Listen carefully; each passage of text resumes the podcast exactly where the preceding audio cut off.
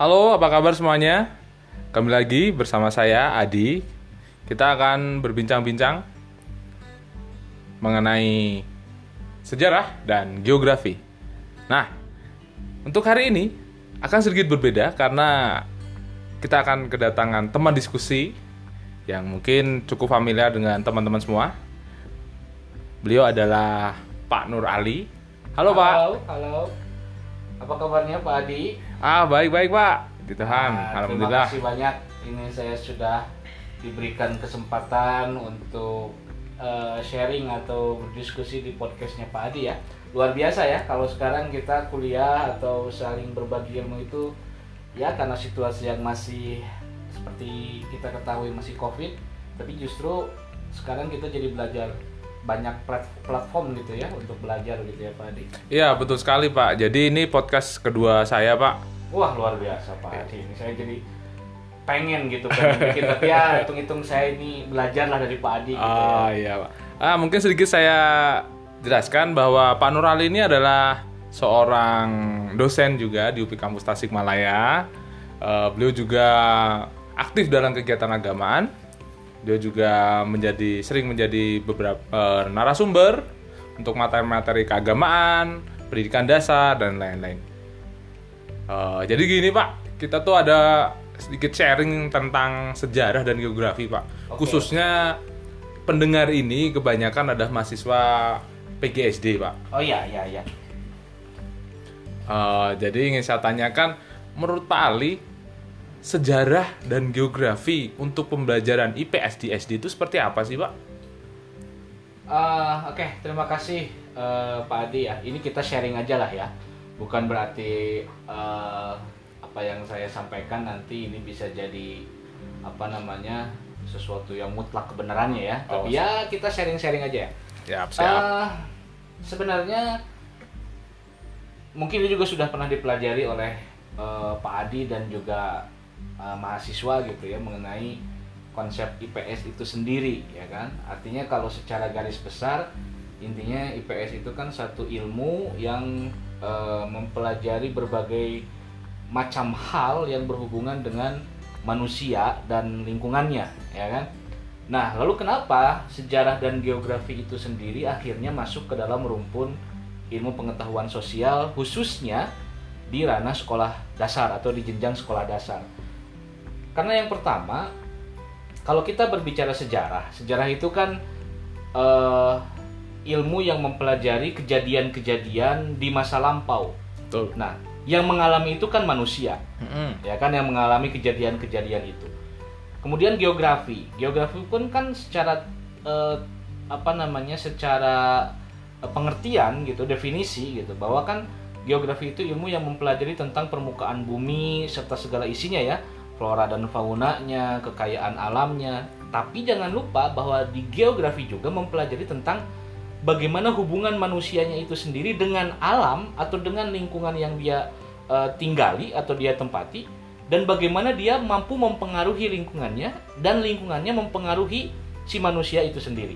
Nah, jadi kalau kita berbicara sejarah dan geografi, pasti tidak akan jauh kita sedang berbicara tentang eh, manusia itu sendiri. Nah, dalam konteks sekolah dasar, meskipun belum dijadikan satu apa namanya disiplin ilmu yang terpisah, tapi masih dalam satu rumpun rumpun ilmu pengetahuan sosial, saya rasa sangat penting kalau anak sekolah dasar itu harus mempelajari tentang eh, sejarah, lalu kemudian tentang geografi. Kenapa? Karena hal itu tidak akan jauh atau konteksnya tidak akan jauh dari eh, apa namanya hakikat dirinya, hakikat si peserta didik sebagai manusia.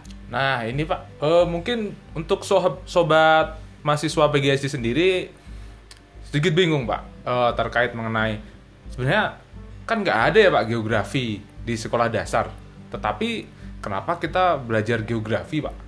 Apa yang membedakan seperti itu ya Pak Ali? Nah ya, eh, kalau di jenjang sekolah dasar kan sebenarnya disiplin-disiplin ilmu sosial yang yang seperti yang sudah eh, teman-teman mahasiswa pelajari kan ada antropologi, kemudian ada ekonomi, ada sejarah, eh, kemudian juga ada apa geografi dan lain sebagainya gitu ya sampai ke psikologi. Tapi kalau untuk jenjang sekolah dasar, maka ilmu-ilmu itu difusikan atau digabungkan dalam satu rumpun yang disebut dengan ilmu pengetahuan sosial. Artinya, kalau di jenjang sekolah dasar, rumpun atau disiplin-disiplin keilmuan sosial itu tidak terlalu ditonjolkan, tetapi lebih sifatnya adalah uh, apa namanya? fusi, gabungan. Artinya hanya sebatas pengenalan saja uh, pengenalan dasar mengenai apa itu sejarah, apa itu geografi, dan apa hubungannya dengan manusia. Lalu kemudian apa itu ekonomi, apa itu antropologi, tapi tentu uh, dalam ranah sebagai penanaman konsep dulu. Artinya minimal siswa sekolah dasar mengetahui gitu ya konsep-konsep dasarnya. Lalu kemudian kenapa kok tidak di uh, seperti di SMP atau SMA yang sudah dipisah-pisah? Karena tujuannya agar siswa sekolah dasar mampu mendapatkan uh, apa namanya pemahaman tentang IPS itu secara menyeluruh dari berbagai disiplin ilmu. Artinya uh, tidak menonjolkan ini sejarahnya, ini geografinya tidak, tapi semua ilmu itu dihubungkan atau saling berhubungan satu sama lain dalam konteks agar mereka uh, memahami peran dirinya atau peran si peserta didik di sekolah dasar ini bahwa dia adalah manusia atau sebagai subjek dari IPS itu sendiri. Oke Pak, oh berarti Pak Ali yang perlu saya tekankan di sini adalah fusi atau fusion bahwa geografi di pembelajaran IPS khususnya di sekolah dasar itu sebagai fusion atau penggabungan dari berbagai bidang-bidang ilmu gitu ya Pak ya? Ya betul betul Pak, seperti itu. Oke, nah ini saya yakin para sobat mahasiswa PGSD semuanya menjadi lebih paham saya yakin tentunya terkait penjelasan dari Pak Ali. Ah, ini Pak, ada satu lagi tentang pekajian di IPS Pak. Terkait sejarah. Nah, sedikit pingin saya tanyakan Pak. Sejarah itu apa sih Pak? Kalau nah, kita belajar di tentang IPS. Ya, tadi sudah diungkapkan sedikit di awal bahwa sejarah itu kan satu ilmu ya kan ilmu yang mempelajari tentang eh, kejadian-kejadian manusia di masa yang lalu gitu ya bahkan sejak mulai zaman purba artinya sampai dalam konteks sekarang zaman modern artinya uh, tentu sejarah itu bisa dilihat dari berbagai perspektif dari sudut pandang gitu ya kalau kita berbicara sejarah sebagai satu peristiwa Berarti kita akan menceritakan atau kita akan membicarakan ada kejadian apa. Baik itu dalam dalam dimensi waktu dan dimensi tempat e, terjadinya kejadian pada masa lampau. Wah, semakin itu ya Pak ya, semakin seru juga ini pembicaranya. Nah, ya, ya, karena saya jujur saja Pak, di saya termasuk salah seorang meskipun saya tidak ngambil dulu waktu kuliah nggak ngambil jurusan sejarah, tapi saya cukup tertarik gitu dari sejak mungkin sejak SD sih kalau seingat saya dari kelas 5 mungkin ya saya senang sejarah sampai akhirnya saya masuk SMP SMA cuman mungkin bukan jodohnya saya masuk kuliah nah bukan berarti saya tidak senang uh, apa namanya uh, masuk ke jurusannya ya cuman karena jalannya saja berbeda tapi tertarik sih iya hmm. nah uh, kalau kita berbicara uh, sejarah tadi kan dalam perspektif peristiwa berarti kan akan menceritakan bercerita tentang uh, kejadian dari berbagai latar ya, baik itu latar tempat ataupun latar waktu. Kan biasanya gitu sejarah itu. Ada kejadiannya, ada waktunya. Itu sesuatu yang tidak bisa dipisahkan. Nggak mungkin ada kejadiannya tapi nggak ada waktunya. Ya misalnya, kejadiannya misalnya proklamasi tahun 1945. Oke, ada tahunnya. Proklamasi Indonesia itu eh, apa namanya diproklamasikan pada tanggal 17 Agustus 1945 tapi kan harus jelas di mana itu dibacakannya. Oh, di Jalan Pegangsaan Timur, misalkan seperti itu. Berarti kan ada ada latar waktu dan ada latar tempat. Ya kan ada kejadian, waktu dan tempat. Lalu kemudian kalau ditinjau dari sudut ilmu, sejarah sebagai satu keilmuan, maka sebenarnya sejarah itu pun sesuatu yang sangat ilmiah, Pak Adi. Artinya eh, di dalam menentukan satu kebenaran sejarah itu nggak bisa hanya bermodalkan katanya. Hmm. Artinya kalau kalau bahasa istilahnya ya cuman kata orang gitu ya, oh. katanya katanya. Tapi justru kalau dalam sudut keilmuan sejarah itu justru sesuatu yang sangat ilmiah. Kenapa? karena harus terbukti kebenarannya.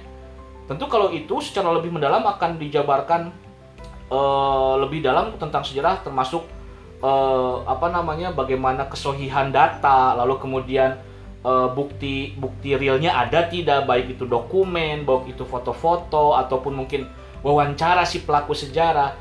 Itu kan adalah eh, cara secara secara ilmiah, cara yang ilmiah untuk membuktikan satu sejarah. Jadi sekali lagi, sejarah itu pun bisa dipandang sebagai satu sudut eh, dalam satu sudut yang disebut ilmu. Kenapa? Karena membutuhkan pembuktian yang sangat ilmiah. Banyaklah metodenya ya kan? Bisa metode dokumentasi, bisa wawancara dan lain sebagainya gitu ya. Nah, bisa juga sejarah bisa dilihat hanya sebatas cerita.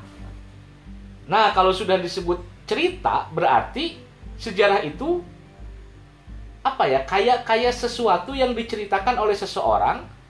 Jadi ka- bukan dongeng sih, tapi kayak ya, kayak narasi saja. Baik itu ditulis dalam buku teks ataupun dalam penampilan film misalnya eh, tayangan apa namanya eh, teater tentang sejarah proklamasi. Nah, jadi seperti itu Pak Adi. Jadi sejarah itu luar biasa sih artinya bisa di- di- dipelajari dari berbagai perspektif gitu. Wah, menarik sekali nih, Pak. Saya ingin menggarisbawahi tentang sejarah itu harus ada waktu, Pak. Nah, apakah ada batas waktunya, Pak, itu dikatakan sejarah?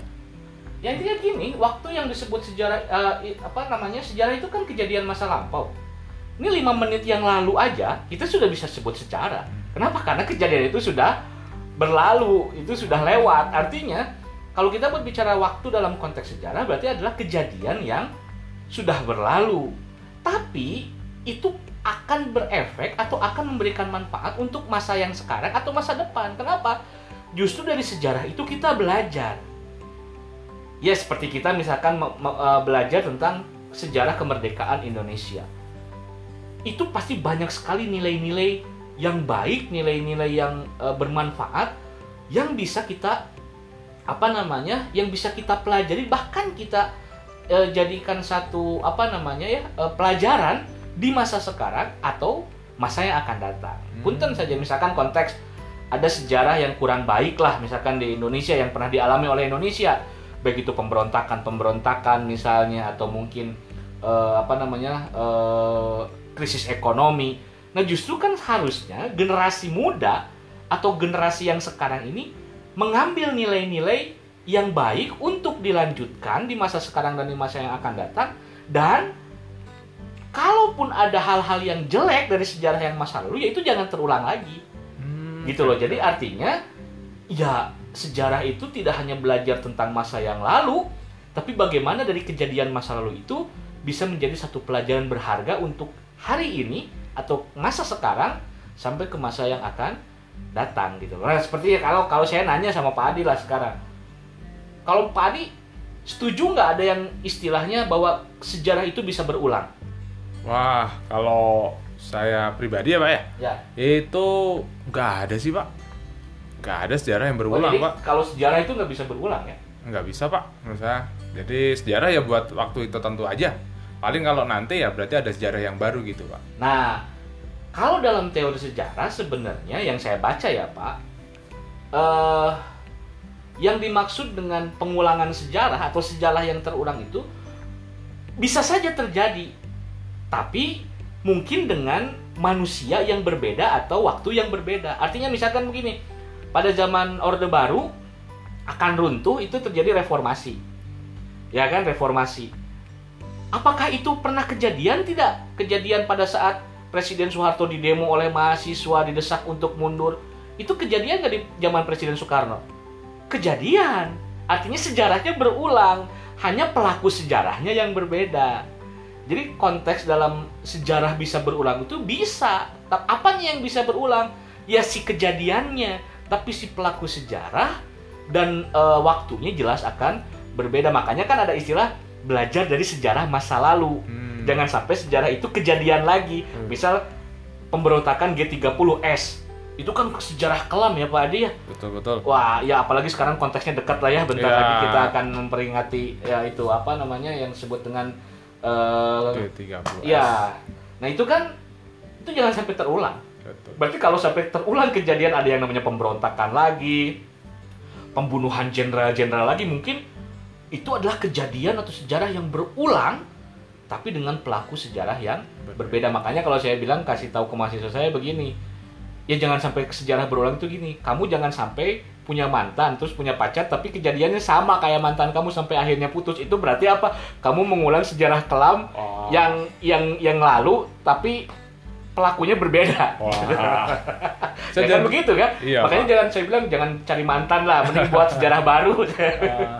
Wah, jadi saya ingat Pak salah satu eh, apa ya Pak moto atau perkataan salah satu eh, proklamator kita Pak Apa Pak itu? Soekarno Pak.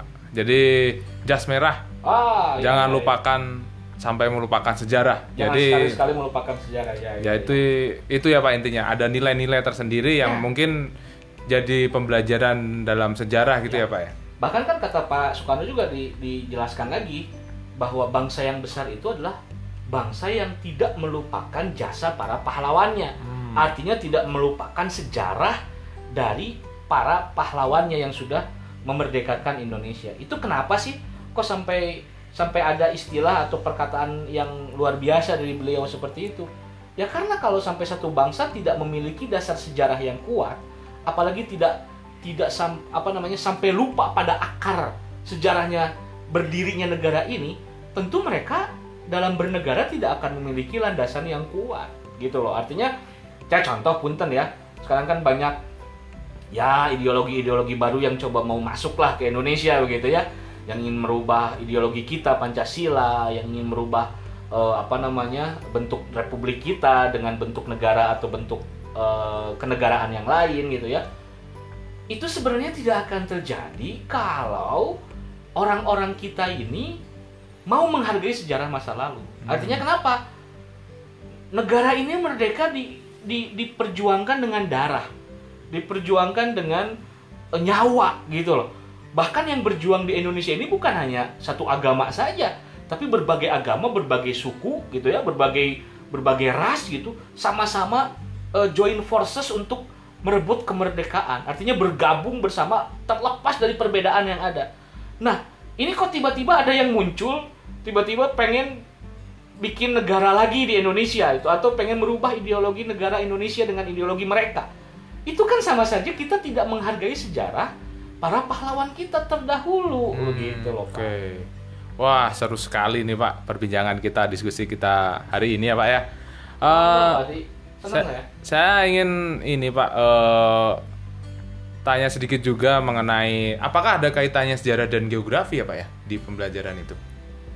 Ya mungkin kalau kalau kita berbicara uh, hubungan ya pasti selalu ada hubungannya Pak Adi. Artinya begini, ya kan otomatis kejadian sejarah itu terjadi di mana? Ya terjadi di satu wilayah, terjadi di satu tempat dan geografi mempelajari tentang itu, tentang kewilayahan, ya Betul, kan, betul. tentang ruang, Betul. Tentang apa namanya eh, bumi pada umumnya beserta segala isinya ya tentu akan sangat eh, berhubungan gitu ya. Namun yang jelas eh, secara sekilas saja geografi itu yang yang lebih concern dari dari dari si geografi dalam rumpun IPS itu adalah untuk mempelajari bagaimana manusia itu mempengaruhi lingkungan tempat dia tinggal dan bagaimana si lingkungan tempat dia tinggal itu bisa mempengaruhi manusia itu sendiri Pak Adi. Contoh manusia yang tinggal di daerah perkotaan dengan manusia yang tinggal di daerah pedesaan itu kan akan membentuk satu kepribadian manusia yang berbeda gitu loh. Artinya manusia bisa dipengaruhi oleh lingkungannya dan bahkan si manusia itu sendiri pun bisa mempengaruhi tempat eh, dia berada atau lingkungan dia berada begitu loh. Oke Pak, eh terima kasih banyak Pak Ali atas eh, diskusi hari ini. Eh Luar mungkin biasa. sedikit ada apa yang bisa Pak Ali simpulkan terkait pembahasan eh, geografi dan sejarah itu Pak? Oke. Aduh saya sebenarnya masih seru ini ya Pak dia cuman nggak kerasa tiba-tiba sudah 20 menit saja. ya semoga nanti lain waktu kita bisa uh, bincang-bincang lagi ya. Mungkin dari saya sih ya kesimpulannya intinya beginilah. Eh IPS itu tidak akan jauh berbicara tentang manusia. Bagaimana hubungan manusia dengan manusia yang lain, bagaimana hubungan eh, individu dengan individu yang lain, individu dengan kelompok, bahkan individu dengan lingkungan. Jadi kalau kita berbicara sejarah dan geografi dalam konteks IPS harusnya itu bukan menjadi sesuatu yang berat atau sesuatu yang apa namanya terasa sulit untuk kita pelajari. Kenapa? Karena kita tetap mempelajari tentang si manusianya itu sendiri. Artinya apa? Kita berbicara tentang kita. Kita pribadi gitu loh. Kita bicara tentang sejarah, semua manusia punya sejarah. Ya kan? Sejarah di masa lalu. Mungkin lima menit yang lalu pun ini bisa jadi sejarah buat kita. Bahkan podcast ini pun esok atau nanti setelah ini direkam 5 menit 10 menit kemudian ini pun podcast ini bisa disebut sebagai bagian dari sejarah. Artinya itu bukan sesuatu yang jauh dari kita. Begitupun geografi, itu nggak akan jauh-jauh berbicara tentang kita sebagai manusia, hubungan kita dengan lingkungan, bagaimana kita mempengaruhi lingkungan tempat kita berada, bagaimana si lingkungan itu mempengaruhi kita. Tentu itu sesuatu yang sangat dekat dengan kita. Maka ya kesimpulannya adalah jangan eh, takut duluan untuk belajar IPS. Kenapa? Karena itu sama dengan sebenarnya sama dengan kita mempelajari kehidupan kita dan diri kita sendiri. Mungkin Oh. begitu, wah Pak Adi kalau dari saya. Oke, betul sekali Pak. Terima kasih banyak eh, untuk sesi diskusi sharing-sharing atau bincang-bincang kita ya Pak ya Ya, terkait sejarah dan geografi. Eh, satu kalimat saja Pak, mungkin bisa untuk sebagai support bagi para mahasiswa atau eh, pembelajar kita terkait mereka yang sedang belajar IPS khususnya Pak. Eh, terus semangat belajar, eh, jangan takut eh, untuk apa namanya tidak bisa gitulah. Intinya nggak ada yang nggak bisa, nggak ada sesuatu yang berat, nggak ada sesuatu yang eh, sulit. Kalau kita mau belajar dan jangan lupa untuk selalu berkolabora- berkolaborasi gitu ya, baik dengan teman ataupun dengan dosen dan lain sebagainya. Lah intinya itu. Oke, terima kasih banyak Pak Ali. Sama-sama Pak Adi. Aduh, alhamdulillah. Ini mohon maaf nih kalau ya mungkin penjelasan saya masih kurang jelas itu bisalah di, eh, di diperkuat dengan tambahan-tambahan nanti mungkin dari Pak Adi di kelas atau bacaan-bacaan yang lain. lah. Oke siap banyak. Eh, makasih banyak. Eh, untuk menutup podcast pembelajaran IPS terkait geografi dan sejarah, ini, eh saya mengucapkan terima kasih banyak kepada Bapak Ali Sama-sama Pak Adi. dan semoga kita bisa berbincang-bincang lagi, Amin, amin, amin. Senang, senang berdiskusi lagi terkait pembelajaran IPS di sekolah dasar tentunya. Ya. Ah, semoga podcast ini menjadi salah satu media pembelajaran kita ya Pak ya. Iya, betul. Terlepas betul. dari eh, segala hal di kondisi yang pandemi ini kita betul Pak Adi. Harus lebih kreatif ya. iya Pak. Oke Pak, terima kasih. Ya. Eh, untuk para pendengar semuanya, terima kasih banyak telah mendengarkan acara podcast ini. Kita akan ketemu kembali di acara podcast selanjutnya dengan bintang tamu yang lain juga atau narasumber yang lain juga. Saya Adi, sampai ketemu di acara podcast selanjutnya di lain hari, lain tempat, mungkin di lain topik juga. Oke, terima kasih banyak semuanya. Halo. Terima kasih.